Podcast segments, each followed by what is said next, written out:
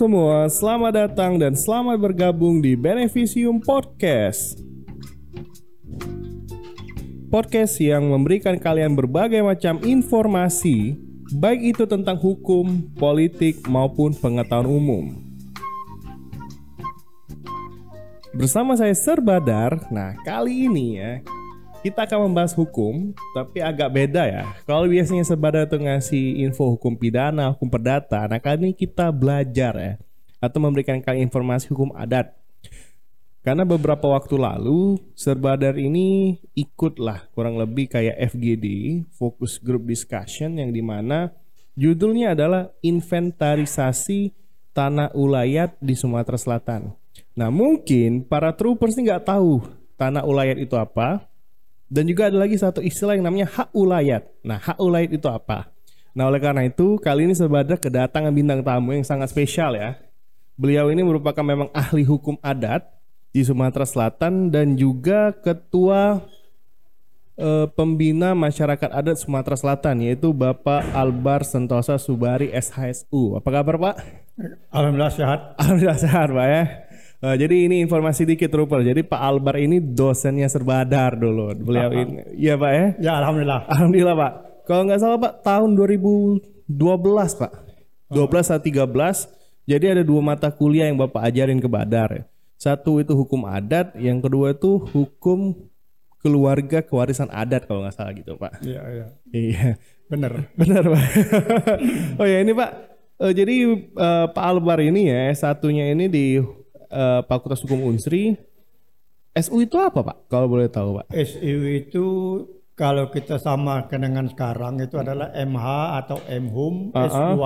Oh, Nah, tapi itu adalah identitas dari Universitas Gajah Mada oke. ah, yang keluar tahun di bawah tahun 1893. Oh, oke. Jadi Bapak ini S2-nya tahun 93 gitu. 86. 86. Oh, jadi dulu kalau S2 hukum di UGM SU. Seluruh bidang hukum, kedokteran, ekonomi, teknik, SU semua. Oh, pada waktu itu SU Pada semua. itu, ya. Oh, SU itu kepanjangannya apa Pak? Kalau boleh tahu itu Pak. terjemahan dari Magister Science.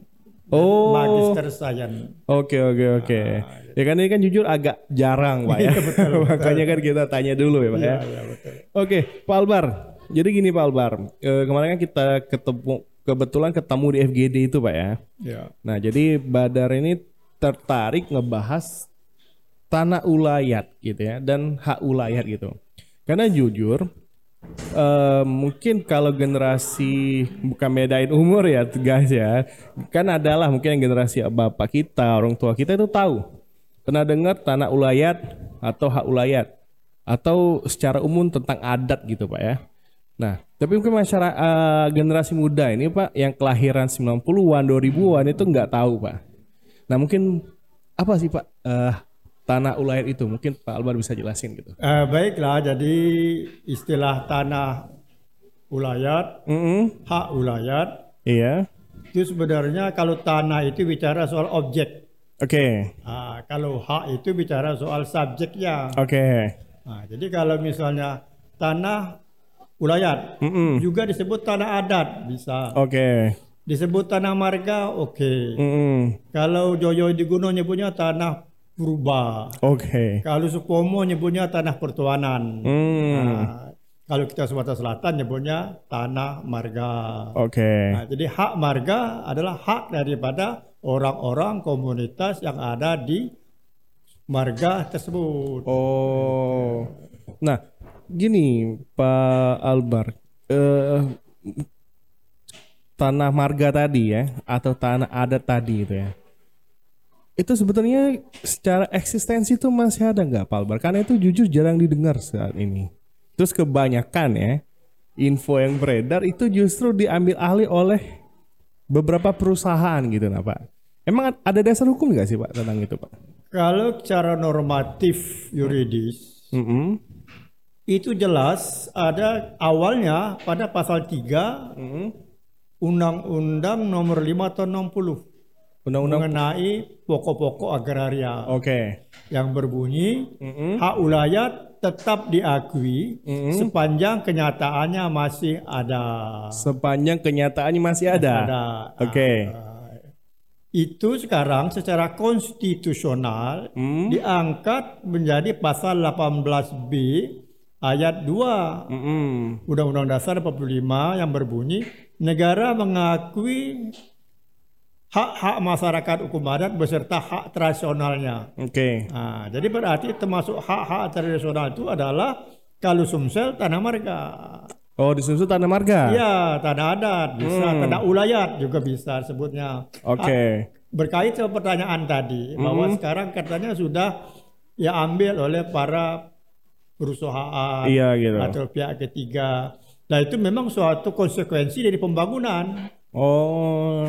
Namun bukan bukan berarti masyarakat adat tidak atau lepas 0% dari dia punya tanah ulayat. Tetap ada. Tetap ada. Ya, cuma pengakuan daripada negara sekarang ini memang belum khusus mengenai itu.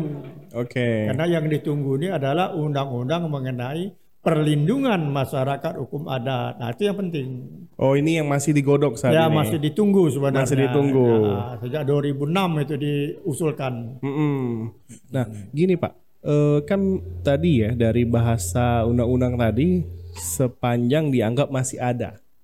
Ya, Nah, itu ini kan multi tafsir, Pak. Maksudnya gimana kita mau tahu masyarakat itu ada atau enggak itu? Apakah memang ada sertifikat khusus menandakan ini wilayah tanah adat apa gitu atau masyarakat adat apa gitu atau gimana sih, Pak? jadi kalimat sepanjang kenyataannya masih ada itu, Mm-mm. itu di- harus dijawab juga secara normatif. Iya, harusnya gitu kan, Pak? Ya, memang ada jawabannya bahwa di dalam undang-undang mengenai peraturan daerah Perda Mm-mm. itu dikatakan bahwa untuk mengakui masyarakat adat itu atau untuk mengakui tanah marga atau tanah ulayat itu adalah harus dengan perda peraturan daerah. Oh, turunannya perda. Iya, tapi Oh. kemarin saya dengar dari Pak Ano itu Pak Dr. Muhammad Adil Abdullah Uh-uh. yang tenaga ahli dari kementerian Oke. cukup dengan basiking, cukup dengan keputusan bupati. Jadi sudah jelas. Oh. Nah, cukup. Dan itulah yang sebenarnya yang belum dikerjakan oleh pem- pemerintah daerah kabupaten. Oh, gitu. Itu masalahnya. Nah.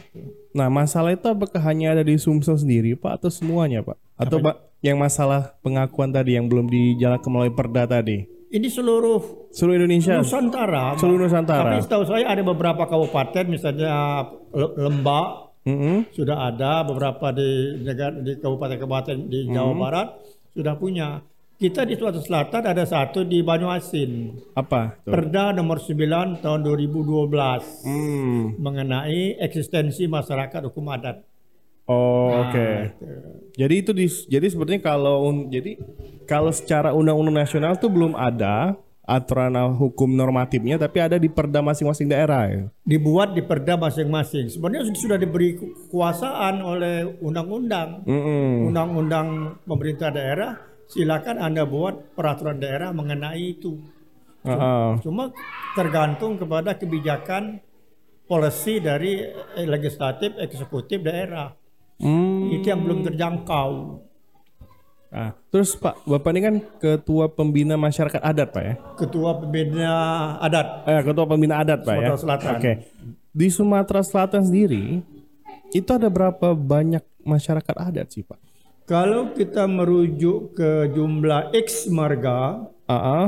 kita bisa baca di buku Pak Profesor Amrah Muslimin, Mm-mm. itu ada 188 X marga. Ex marga tahu apa, Pak? Ex marga itu artinya bekas marga. Jadi dulu Hmm. Sebelum dihapuskannya pemerintahan marga Mm-mm. itu berjumlah 188 marga. Oke. Nah, itu sekarang sudah dihapuskan oleh SK Gubernur Mm-mm. nomor 142 Iya. garis miring KPTS garis miring 3 Romawi garis miring 83 Mm-mm. tanggal 24 Maret 83 Mm-mm. marga dalam arti pemerintahan hapus. Tapi marga dalam arti kesatuan masyarakat adat tetap diakui. Marga dalam artian kepemerintahan. Jadi maksudnya dulu eh, para pimpinan adat atau pimpinan marga ini dulu termasuk perwakilan pemerintah gitu maksudnya Pak ya? Bukan. Jadi dulu itu kalau kita bicara soal marga itu seperti dua sisi mata uang. Oke. Satu sebagai eh, komunitas masyarakat adat, Mm-mm. Satu sebagai sistem pemerintahan. Oke. Nah, sistem pemerintahan ini ini sebenarnya bentukan Mm-mm. bentukan dari terakhir ini bentukan dari kolonial Belanda Mm-mm. yang sebagaimana mereka atur di dalam IGOP. Mm-mm. Nah, IGOP. Nah, itu jadi pengakuan marga di Sumatera Selatan itu ada di dasar hukumnya. Oke. Nah, IGOP itulah yang dihapuskan oleh 579 Mm-mm. dan Junto SK GOP 142 itu. Oh, jadi setelah itu dihapuskan semua dari marga itu. Pemerintahan. Hmm, pemerintahannya gitu. Itulah yang ada pasirah, yang namanya Krio, namanya Penggawo, itu tidak ada lagi. Oh. Nah, itu. Tapi di dalam penguasaan tanah adat, di dalam penguasaan hak ulayat, sebenarnya bukan ter- tergantung pada dia orang ini, tapi ada pada masing-masing suku. Mm-mm. Ada masing-masing etnis yang ada di dusun. Mm-mm. Nah, di dusun itu- ya siapa yang memegangnya adalah orang-orang tua, pimpinan informal masyarakat tersebut. Misalnya Payung Jurai kalau Iya. Sebendo, Ah, Kai Pati kalau Komering, ah, ah. eh, ini Mama kalau di mana daerah-daerah pagar alam Mama. Oh, oh mama itu ke pimpin- Mama, Mama. Mama itu ke ketua adatnya lah ya, Ya, pimpinan sebut- adatnya gitu ya. Ya, ketua ada sebutan. Oh. Nah, gini Pak. Misal nih ada satu masyarakat tertentu ngeklaim bahwa tanah yang mereka diami, yang mereka kuasai itu merupakan tanah adat. Nah, apa Pak dasar hukum yang mereka bisa mereka yang jadi pegangan mereka bahwa jadi mungkin ketika suatu hari ada sengketa tanah, mereka bisa bilang bahwa itu tanah adat gitu. Apakah tanah adat itu tidak ada surat menyuratnya, dokumen atau apa gitu, Pak? Kalau tan- tanpa se- se- sengketa dulu, Ya, sudah pasti bahwa masyarakat adat mengelola, oke. mengelola dia jalan lancar. Heeh. Tapi kalau ada sengketa berarti ada pihak yang masuk. Iya. Nah, kalau sudah dibenturkan antara masyarakat sama pihak ketiga ini, Mm-mm. kalau pertanyaannya adalah menurut Undang-Undang Agraria dibuktikan dengan bukti tertulis Mm-mm. dalam hal ini sertifikat, Iya. itu masyarakat adat tak punya. Nah, pasti kalah itu, Pak. Eh, tak punya penting. Oke, tak punya. Kalau Oke. soal kalah tidak kalah itu sebenarnya kewenangan hakim. Iya, oke ya. Kita nggak boleh ngomong kalah atau tidak Nah, ya. ya. Tapi biasanya Heeh. karena hakim-hakim ini kan sarjana hukum yang dididik secara formalitas. Iya. Pasti dia mindsetnya itu selalu formalitas Mm-mm. Berdampak kepada putusan biasanya begitu. Tapi kalau mau bukti itu sebenarnya saksi. Mm-mm. Nah ini karena memang artinya itu kan ini kan sudah akibat daripada zaman. Iya, Pak. Sebab memang ada Gium itu mengatakan makin modern itu kan memikirkan makin individu. Iya, betul, Pak. Makin ber, makin modern semua harus formalitas. Iya, betul. Nah, suatu gotong royong melemah itu sudah sudah merupakan suatu sifat. Iya sih. Ya mungkin kalian yang tinggal di kota atau mungkin di desa pun sekarang coba tanya dengan diri kalian masih ikut gotong royong atau enggak gitu Iya ya. itu. Kalau dia masih di daerah pedalaman masih kental pasti ada bukti Iya. orang meninggal dunia berbondong-bondong bawa ayam bawa bawa Iya, betul betul. orang pesta Mm-mm. pakai ta- taruh pakai tiang ini pakai ini pasangnya kan rame-rame Iya, betul betul. Nah, Termasuk kawinan juga gitu. begitu kalau di Ah. kota kan enggak Iya sih. yang penting LO selesai betul betul betul. betul. iya. Terus jadi perlindungan untuk masyarakat adat sendiri gimana dong, Pak? Maksudnya tuh perlindungan atas tanah ulayahnya itu gimana jadi, Pak? nah itulah sekarang ini sebenarnya terkatung-katung Mm-mm. secara normatif sebenarnya sudah ada konstitusinya Mm-mm. tapi secara turunannya belum teratur Iya. dengan demikian pengawasan terhadap tanah ulayat itu siapa yang mau mengawasi sulit Mm. Nah, sudah itu pengaruh juga dari pengaruh individu bilang tadi orang-orang bujang-bujang atau sejana-sejana kan berjual tanah di dusun Iya betul. Jualnya antara tanah ayahnya yang tak ulayat kemarin jualnya padahal di dalam teori hak ulayat hak perorangan itu kalau udah digarap lagi masuk kepada hak ulayat Iya betul. itu Nah, tapi nyatanya karena ayahnya ada ada mengelola lagi cucunya datang, dia jual. Iya betul. Dia jual ke dekat perusahaan, sudah. Jadi. tambah jadi. Tambah jadi. Ini yang mengawasi inilah yang atau yang belum belum ada. Nah kalau dulu ini namanya pasirah memang Mm-mm. dulu. Nah mestinya kita menggantikan siapa yang berperan di sini sebenarnya. Sebenarnya BPN itulah Hmm. itulah barangkali salah satu tujuan daripada survei mereka kawan-kawan Ya, kemarin itu ya. USU itu adalah mau menginventarisasi, mau mengidentifikasi ta- tanah ulayan. Hmm. Nanti dia mungkin lapor ke BPN, ini loh luasnya tanah ulayan di Sumsel itu. Iya betul. Beginilah. Nah, tapi kita tidak melihat hasilnya karena kita tidak berkompeten hasilnya itu kan Iya, apakah cocok apa tidak kita nggak tahu kan. Iya betul. Nah, itu. Karena gini kan di Undang-Undang Pokok Agraria pun tidak disebutkan salah satu jenis tanah itu sertifikat tuh ya nggak ada tentang tanah adat sendiri nggak diatur gitu kan Pak ya? Hanya satu itu tadi ada dua pasal. Satu pasal tiga tadi ya, awalnya. Iya. Kedua pasal lima agraria berdasarkan hukum adat.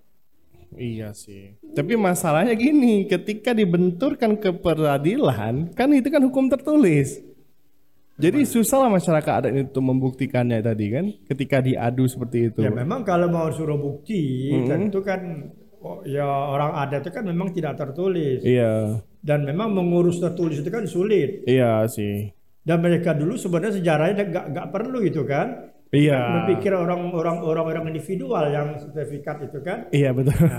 Maksud dari sebenarnya maksud daripada undang-undang itu adalah Hmm. hukum agraria itu berdasarkan hukum adat. Artinya itu Hmm. apa? Iya. Agraria ke depan itu mestinya nilai-nilai adat itu yang diangkat Seharusnya. seharusnya. Dasennya ya. Dasar nilai dasarnya begitu. Heeh. Jadi bukannya teori bukannya teori barat yang dipakai. Hmm. Nah, itulah salah satu dampak daripada pendidikan sejarah hukum kita yang sebagian belajar daripada hukum Romawi, hukum kolonial. Nah, itu salah satu dampaknya. Betul betul betul. Padahal di dalam teori kita itu hukum adat maupun hukum tertulis itu sama-sama hukum dasar. Iya. Tengok itu di dalam penjelasan Undang-Undang Dasar 45 Iya. asli. Ah, Hukum dasar tertulis dan tidak tertulis artinya sama. iya. Nah, itu. Jadi ini dampaknya adalah dis, eh, ya banyak ketidakadilan bagi masyarakat adat sendiri pada akhirnya kan. Sepertinya ya. Karena pada prakteknya kita tuh kayak lebih mementingkan kepastian hukumnya tadi kan. Bukan kemanfaatan hukumnya sendiri kan. Padahal kan hukum tidak tertulis kan dicari ada manfaatnya gitu kan. Makanya sebenarnya teori tujuan hukum yang disebut tadi itu kan dari Friedman. Iya betul. Kepastian, kemanfaatan, keadilan. Iya. Itu tidak cocok untuk Indonesia. Hmm. Tujuan hukum Indonesia itu ada pada pembukaan Undang-Undang Dasar 45. Iya. Mewujudkan masyarakat adil dan makmur. Iya. Mencerdaskan kehidupan bangsa. Itu tujuan hukum Indonesia. Ah-ah. Jadi yang yang dihafal dihafal oleh sejarah hukum itu kepastian, kemanfaatan itu teori barat. Iya. Nah, sekalian saya mengkritik. Boleh Mas silakan. Iya, kritik katanya ilmu yang diajarkan itu tidak cocok. Dengan Kalau bicara soal tujuan hukum Indonesia ada di dalam pembukaan Undang-Undang Dasar 45. Oke. Mewujudkan masyarakat adil dan makmur. Makmur dalam keadilan. Iya betul. Nah, itu sebenarnya. Hmm. Jadi tidak bisa kita pasti 30% manfaat, 30% tidak bisa begitu. Hmm. Tidak bisa. Nah, kalau dalam hukum itu kita teori barat, Pak. Ya? Ya. Nah, kalau dalam hukum adat Indonesia sendiri, adakah yang tentang juga di ah, mungkin ada nilai-nilai kayak tujuan hukum tadi apa gitu, selain dari undang-undang tadi? Ya tujuan hukum adalah kedamaian, Oh, betul. kemesraan, keharmonisan. Iya. Itu, Oh. itu indah kan? Iya, betul betul. Indah. iya, yang. Itulah yang belum terangkat. Makanya saya sebenarnya agak repot juga mengomentari sebenarnya dosen-dosen hukum adat itu sebenarnya jangan lagi mengajarkan hal-hal yang lamo. Iya. Misal hukum adat berasal dari adat Sreh. Iya, itu sih. Padahal bukan begitu sebenarnya. Ah, ah. Adat Sreh itu berasal dari hukum adat. Oke. Terbalik. Oh. Karena buku-buku zaman dulu menerjemahkan buku Belanda. Iya. Jadi orang Belanda bilang hukum adat berasal dari istilah adat serai.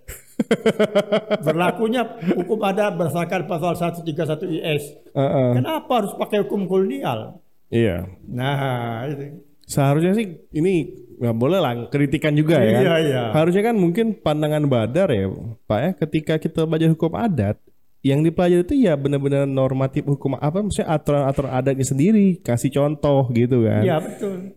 Misal contoh apa Pak mungkin yang bisa Bapak kasih contoh gitu Pak? Gampang. Ah, ah. Artinya kita sopan santun. Oh ya betul. Budaya salam. Ah, Budaya nundukkan diri sedikit. Setiap ketemu salaman. iya. Itu kan budaya nilai-nilai adat. Hmm. Misalnya apa lagi? Macam-macam itu banyak itu. Ya, macam lah ya. Adat itu waktu modern-modern negara pasti tetap ada, cuma Iya. nilainya berubah. Iya. Nilai itu nilai itu berubah. Contoh, Ah, ah. dulu kita waktu tahun 70-an kalau hari raya Mm-mm. itu kan adat kan ngirim kartu lebaran. Iya. Zaman sekarang kartu lebaran tidak laku lagi, pakai SMS Iya, selesai. iya betul. Contoh, majunya Jepang, Mm-mm. majunya Inggris, Mm-mm. mereka pakai adat. Iya. Betul. Pangeran William, Pangeran Charles nikah, Mm-mm. dia tidak pakai mobil termahal di dunia Iya. dari rumah ke gereja, Mm-mm. tapi dia pakai kuda. Iya. Nah, artinya Iya. mobil mereka termahal mereka terbeli, Iya betul betul. tapi mereka tidak pakai. Mereka kerajaan dari dulu-dulu, yai-yai kami, kalau nikah dari rumah pu- putih ke gedung Mm. gereja pakai kuda. Iya. Atau diarak ya.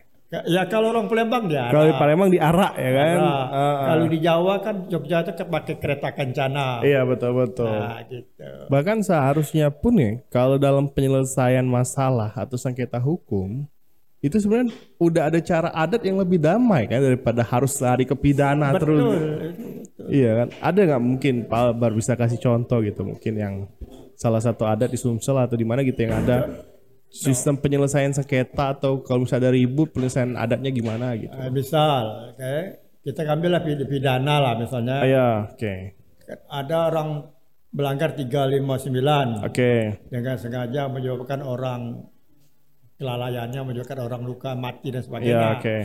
Itu kan pidana kan dia tetap di mana kan? Iya. Tapi ada jalan damai. Mm, Kasih uang duka, datangi tahlilan sekian hari minta maaf. Iya. Nah, di dalam hukum sekarang Mm, itu kan hanya cuma untuk meringankan baik, hanya Iya. meringankan hukuman. Betul. Tapi bukan tidak mungkin itu sebenarnya bisa diselesaikan zaman sekarang dengan restoratif justice. Iya dengan RJ Restoratif Justice itu. Nah, itu restoratif justice itu teori adat. Iya betul. ADRJ teori adat. Iya betul betul. Sama dengan kita kalau kita jual buat sepatu, di Bedoyut kasih merek Singapura, made in Singapura laku. Iya betul. Tapi kalau in Bedoyut tidak laku. Iya. Sama lah di R justice. Iya iya iya. Sama. Iya kalau dipikir kan sistem RJ itu kan sama kayak hukum adat kan. Iya, iya. Ganti rugi gitu kan. Permintaan apa tuh ada permintaan maaf, penerimaan maaf gitu gitu kan. Nah, cuma sekarang ini sepertinya dibatasi. Mm-mm. Baru hal-hal yang gini, gini, gini, gini. Iya. Ka- Bukan tidak mungkin sebenarnya. Setiap kasus kalau para pihak memang hatinya mau berdamai kan apa harus di, harus dihalangi. Iya betul. Misalnya kan pembunuhan. Mm-mm. Kalau kata sudah lah itu sudah karena takdir. Mm-mm. Nah, sudah kan sudah.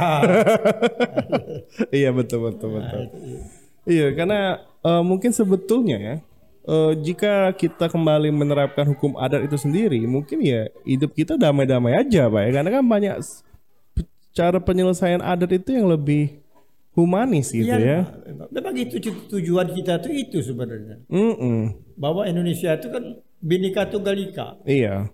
mengakui keberadaan adat masing-masing. Hmm. Iya kan? Bahkan sebetulnya dalam sengketa keluarga pun misal kayak war, bagi waris gitu kan, kan ya pada lawyer kan pak sering lah dengar kan sengketa waris di pengadilan agama gitu kan. Sebetulnya kalau kita ngikutin cara adat itu kan udah jelas gitu kan. Iya betul. Tapi karena salah satu pihak adik beradik mereka tidak cocok, Iya. kalau pengen dapat harta banyak dia pakai BW. Bagi kamu kan? Iya betul betul. Tapi kalau dia pakai adat, Ah, apalagi yang perempuan kan Islam pula kan dua banding satu. Iya. Nah, kecil ini rasanya. Pokoknya undang pengacara lah. Pakai BW ke pengadilan negeri. Iya betul betul betul. Karena dia 50-50 kan. Ah, ah, ah. Itu tadi. Iya. Kayak mis dan sebetulnya hukum adat itu kan sebetulnya apa yang diatur itu kan ada makna filsafatnya semua. Jelas. Contoh kalau tidak salah itu yang semende, Pak, eh, yang anak paling tua itu Tunggu tuh bang. tunggu tuh Bang. Mungkin bisa dijelasin, Pak, biar yang troopers nih tahu gitu. Jadi spesifik dari masyarakat Semende, Sumatera Selatan itu anak perempuan tertua itu, Mm-mm. itu mereka nikahkan dengan sistem tunggu tubang. Oke, apa tuh tunggu tuh, Bang? Tunggu tubang itu sistem perkawinan Mm-mm. di mana anak perempuan tertua kalau ada perempuan tertua tak mau anak perempuan berikutnya Mm-mm. sampai ada yang mau nanti suaminya ikut ke dalam melayani keluarga dari sang istri. Mm-mm. Nah, di situ dia punya harta, tunggu tumbang, bis tebat. Iya. Nah, kalau bisa perlu mereka anu ikan Mm-mm. mancing cukup, jalo cukup, Iya. punya sawah Mm-mm. macam-macam. Nah, Oke. Itu namanya tunggu tumbang. Oh, jadi tunggu tumbang tuh istilahnya tuh mereka tuh dapat harta warisan lah, Pak ya. Oh, Paling bukan warisan. bukan warisan juga. Pemakaian. Pemakaian. Nah, Oke. Kalau- Kalau milik tetap milik Milik bersama. komunas, komunal. Oh, komunal, secara komunal miliknya ya. milik bersama. Tapi untuk pemakaian mereka punya hak tadi ya, Menguasainya. menguasainya gitu. Tapi dengan catatan mereka berkewajiban bertanggung jawab dengan adik-adiknya tadi. Betul, betul. Kalau bisa kita datang dari Palembang, mampir ke rumah Tunggu Tubang, situ makan. Iya betul. Beraja. Ah, kita tadi kan seperti raja. Ah, ah, betul Yang betul. melayani kita adalah suami dari wanita yang kawin Tunggu Tubang tadi. Hmm. Nah, tapi setelah saya sela- setelah pelajari, saya selidiki sekarang, Mm-mm. apakah masih ada perkawinan begitu? Katanya makin lama makin sedikit karena sudah tidak ada lagi orang yang mau. Hmm, siapa yang mau dari pihak Laki-laki. keluarga? Oh laki-laki. Yang pertama kan faktor merantau. iya sih betul betul. Kedua faktor pendidikan, Iya betul. faktor komunikasi. Iya. Kalau dulu itu kan komunikasi kan sempit, Iya. pendidikan kan tidak begitu. Iya dibanding zaman dulu dan zaman Yo, sekarang kan lain, iya, tingkat sarjana pun lebih banyak yang sekarang gitu Iya, ya. iya. Mungkin karena gini Pak, mereka tuh terlalu mungkin yang yang pendidikannya tinggi tadi itu kayak menerapkan pola pikir barat yang individualis gitu kan. Padahal sebenarnya dari tunggu tubang tadi itu kan apa ya kayak eh, ada kebersamaannya gitu kan, Ya. Pak. Maksudnya tuh oke, kamu dikasih hak untuk pakai gini, tapi urus adek gitu kan. Dan hubungan keluarga tetap terjalin gitu kan. Ya, ya. Kalau zaman sekarang kan orang tua dapat waris sendiri-sendiri udah lebaran lupa. Itulah artinya zaman modern. zaman modern. Artinya berpikir itu individu. Ah, ah. Sebab kadang-kadang partner kita juga ini kan bu- bukan bukan sedusun kan. Iya betul karena perkawinan campur Betul. tadi ya. Dapat budaya lain. Ah, ah. Sudah itu kesibukan ngurusi anak. Jadi kalau kita baca mau disamakan dengan Minang, kita bisa baca buku Hamka. Oke. Minangkabau mengalami revolusi. Hmm. Jadi tahun 60-an itu sudah ada revolusi. Hamka itu termasuk orang yang merantau ke Jakarta untuk menjauhi ikatan-ikatan adat tadi. Iya sih. Heeh. Karena kalau adat itu ya, Pak ya, se sepengetahuan Badar identik dengan daerah-daerah Minang, daerah Kalimantan, daerah Dayak itu kan. Terus orang-orang Bugis yang Ya, Batak. yang ki- iya Batak yang memang dianggap adatnya kental gitu ya. Kalau yang lain kan nggak tahu ya, padahal buk- bukannya mendiskreditkan, tapi pada benar nggak tahu, nggak terdengar gitu kan. Yang daerah-daerah yang punya aturan adat khusus gitu, gitu. Pak. Ya, ya. Memang contoh-contoh ekstrim yang sering kita dengar. Kalau patrilineal dia kasih contoh Batak. Iya, patrilineal itu. Kalau matrilineal dia kasih contoh Sumatera Barat. Mm-mm. Kenapa dua contoh ini? Karena memang Batak ini secara genealogis mereka masih menyimbolkan, membuat simbol mereka itu satu marga. Iya. Albar Siregar, Mm-mm. Badar Siregar, bersaudara kita. Iya. Walaupun tidak tahu dari urutannya ke mana. Yang tapi penting ada marga ya. ada marga. Oke. Nah, orang Minang dia pakai suku. Mm-mm. Buku Cediago, suku ini, suku itu. Oke. Sama-sama orang Padang dia komunitas kuat. Mm. Nah, kembali kita Sumsel. Nah, di Sumsel ini masalahnya adalah kita teritorial. Iya betul. Teritorial, tapi pada mulanya kita genealogis sebenarnya. Genealogis. ya? Dasarnya genealogis. Pada awal kita terbentuk suku-suku, Komering, suku-suku Lahat, suku-suku Semende. Itu genealogis awalnya. Tapi karena mekar-mekar-mekar penduduk, Mm-mm. terjadilah eh, teritorial-teritorial. Oke. Dengan teritorial itu kita kan melemah, Mm-mm. melemah, melemah. Iya bahkan Sumsel ini sih hebatnya itu satu provinsi, tapi bahasa pun beda-beda. Banyak. Banyak bahasanya kan. Makanya kami Komering itu disimbolkan waktu pembelian marga. Ah, ah, bukan marga, eh, gelar. Gelar, atau ya. Jajoluk. Ah, ah. Jadi itu biasanya dikasihkan waktu pesta kawin. Tapi kalau di dusun itu dia pakai. Jadi Oh, dipakai. Albar. Nama nama besar eh, nama kecil kan Albar. Mm-mm. Orang pemilikku di dusun tidak bisa tidak boleh manggil aku Albar. Tapi Oh. dia harus manggil aku misalnya waktu ku nikah itu Albar gelar Adipatianom. Mm-mm.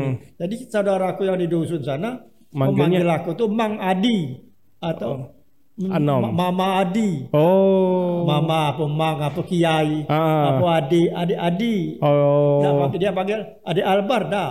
Mang Albar dah boleh lagi. Udah boleh lagi kan udah kasih gelar tadi. Iya, iya. Tapi, Da- tapi itu di dusun masih kuat. Tapi kalau di kota ya cuma tinggal nama ya. Simbol lah. Simbol ya.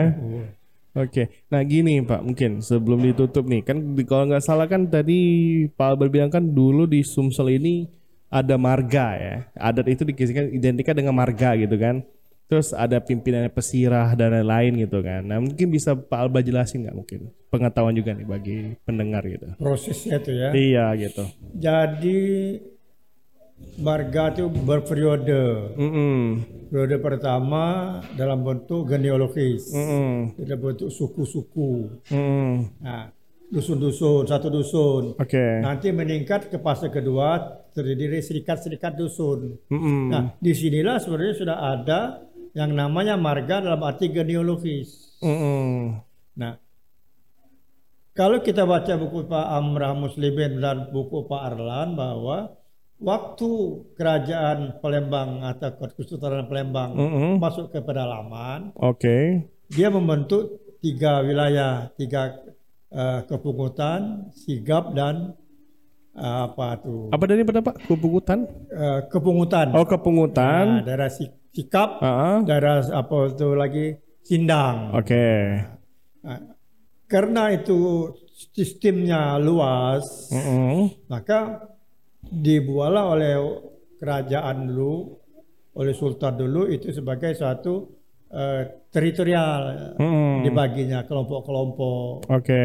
Nah ini dikuatkan oleh kolonial, dilanjutkan secara yuridis keluarlah IGOP itu. Oke. Nah, itu. Ya jadi waktu sultan itu kan dibuat simbol cahaya Hmm. yang saya kalau saya nyebutnya sebagai kompilasi. Oke. Tapi ada juga yang nyebutnya undang-undang. ya. Hmm. Nah, kenapa saya sebut kompilasi? Karena itu merupakan karangan eh, Ratu Sinuhun. Hmm. Oke. Kalau- Sehingga saya sebut itu kompilasi. Itu aturan yang dibuat untuk di marga. Hmm. Jadi seluruh marga di Sumatera Selatan di sama. Hmm. Misalnya di dalam satu marga ada pasirah. Iya. Seluruh Sumatera Selatan ada. Ada pesirah. Ada seluruh. Hmm. Nah, di, di kampung pasirah ada namanya pembarap. Hmm. ada penggawa, ada kriya, ada ketip, ada penghulu dan sebagainya sebagainya. Hmm. Nah, itu. Nah, itu diteruskan oleh eh, Belanda. Bagus ini untuk memudahkan kontrol. Iya. Oh, jadi sebetulnya dulu tuh pesirah itu ada peran sebagai pengontrol dari pemerintahan juga ya. Betul. Di- Dia dibuat itu memang ada peran. Tapi dalam pasirah dalam berkaitan genealogi sudah ada sejak abad ke-16 Hmm. sebelum datang sebelum ada kerajaan Sriwijaya belum sebelum ada kerajaan Iya, iya, iya. Palembang Iya. sudah ada itu. Agak ironi, Pak ya. Jadi Belanda pun yang jajah kita tuh mengakui dan mengakomodir sistem hukum adat kita dulu ya. Sedangkan kita ketika merdeka itu Mereka punya motif untuk mempertahankan mereka menjajah. Iya sih.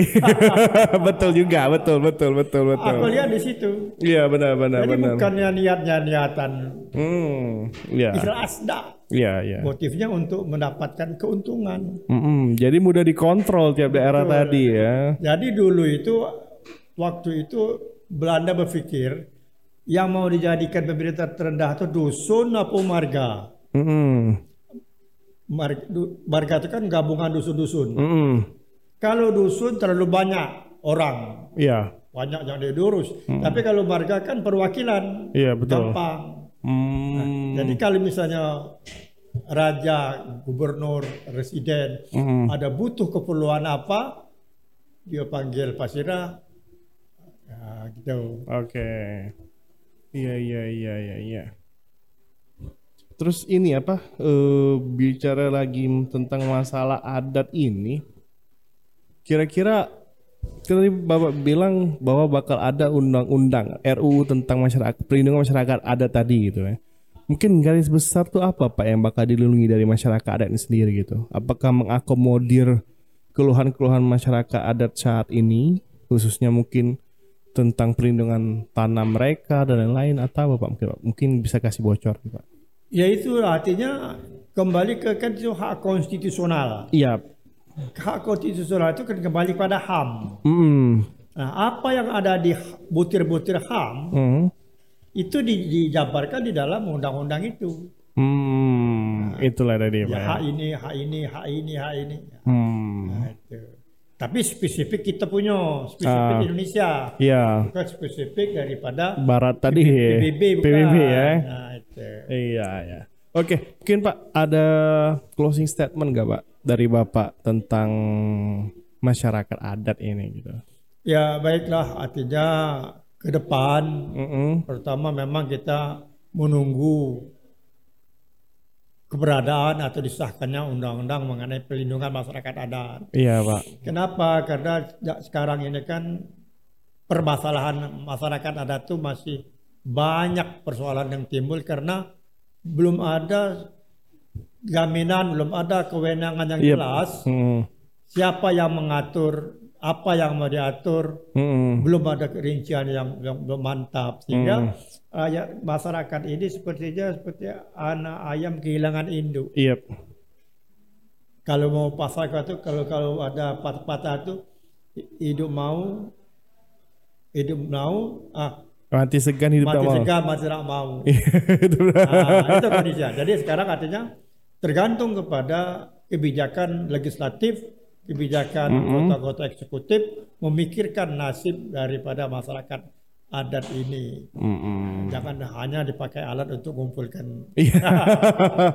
ya maksudnya itu kan sebetulnya kemarin itu Pak, Badan berpikir kayak gini Pak, inventaris tanah adat, inventaris masyarakat adat. Berarti selama ini pemerintah tuh nggak tahu ada berapa jumlah masyarakat adat kita. Ya gitu. sebenarnya tugas itu sudah ada tahun 99. Hmm. Permendag Permen Dagri Permen Agraria Permen Agraria Heeh. nomor 55 tahun 99 Oke. yang mewajibkan ano yang mewajibkan untuk menginventarisasi Hmm. tanah-tanah ulayat. Oh. Tapi nyatanya tidak berjalan. Iya. Termasuk kita Sumsel tidak berjalan Hmm. karena terbentur sama eh, macam-macam lah. Iyalah. Kira-kira. Politik lah Pak ya. Ya.